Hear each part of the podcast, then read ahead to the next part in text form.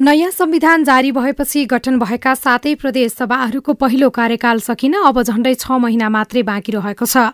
कार्य अवधि नसकिँदै सरकारले प्रदेशको चुनाव घोषणा गरेको अवस्थामा अझ समय कम हुने भन्दै प्रदेश सभाहरूले विधेयकमाथिको छलफललाई तीव्रता दिएका छन्। आगामी आर्थिक वर्षको बजेटको बारेमा छलफल चलाइरहेका सभाहरूले बनेका कानूनहरूको समीक्षाको योजना समेत बनाएका छन्।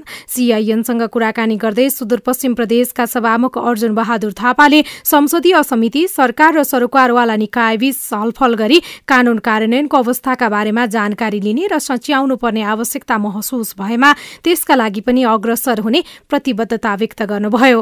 कैलाडीको धनगढ़ीमा भएको सुशासनका लागि संसद संसदीय समिति र सांसदको भूमिका विशेष अन्तर्क्रियामा सभामुख थापाले भन्नुभयो। विषयगत समितिका सभाजीसँग म छलफल चलाउनेछु। हामीले पारित गरेका विधेयकहरू जो हामीले कानुन बनायौँ त्यो कार्यान्वयन कति प्रतिशत भयो किन भएन के कारणले भएन भन्ने सवालमा अब बहस गर्नुपर्छ। यो अब अरू कुरा भन्दा पनि यो तिन महिना चार महिना जति हुन्छ नि सरकारलाई बोलाएर अब हामीले बनाएका कानुनहरू किन कार्यान्वयन भएन?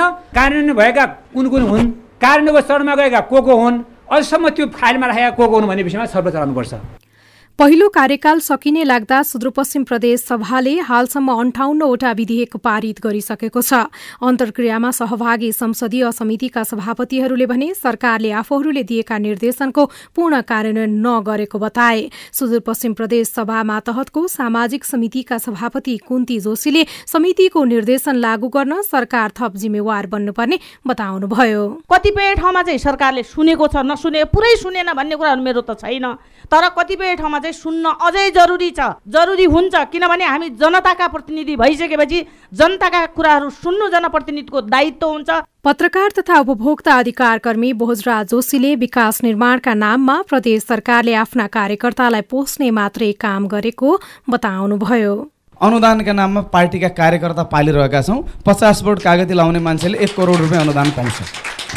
यो हाम्रो प्रदेशको अवस्था हो यो मैले रिपोर्टिङ गर्दा भेटेको कुरा हो। हामी त देवभूमि सुदूरपश्चिम प्रदेशमा देवी देवताहरूको बास छ भन्छौँ अनि देवी देवताहरूलाई घर बनाउँछौँ र ती घरहरू सार्वजनिक लेखा समितिको सभापतिज्यू यहीँ हुनुहुन्छ।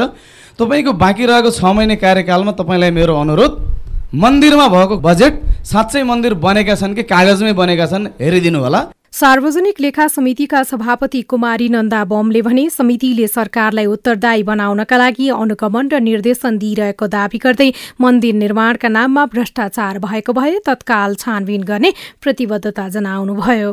जानको लागि त छ महिना नै मलाई नचाहिला। किनभनेदेखि उहाँको नजरमा जहाँ छ त्यहाँ हाम्रो समिति तुरुन्तै जान्छ र तुरुन्तै हामी इन्भेस्टिगेसन गर्छौँ। यसको लागि छ महिना कुर्नु पर्दैन। अहिलेको यो रनिङ इयरमा अस्ति आठ गतेको डेटाले तिस पर्सेन्ट मात्रै बजेट खर्च गरेको छ। बाँकी सत्तरी पर्सेन्ट बजेट हाम्रो खर्च गरेकै छैन। हामीले भनेको सम्बन्धित नियालाई घस घस्याउने हो। हामीले घस घसाइरहेछौँ हामीले लेखेर लिखित पठाइरहेछौँ। प्रदेशको सामाजिक विकास मन्त्रालयले सोह्रवटा एम्बुलेन्स खरिद गर्दा अनियमितता भएको उजुरी परेपछि समितिले अध्ययन गरेको र भ्रष्टाचार भएको तथ्य सहित केही समयमा प्रतिवेदन सार्वजनिक गरिने पनि उहाँले बताउनुभयो।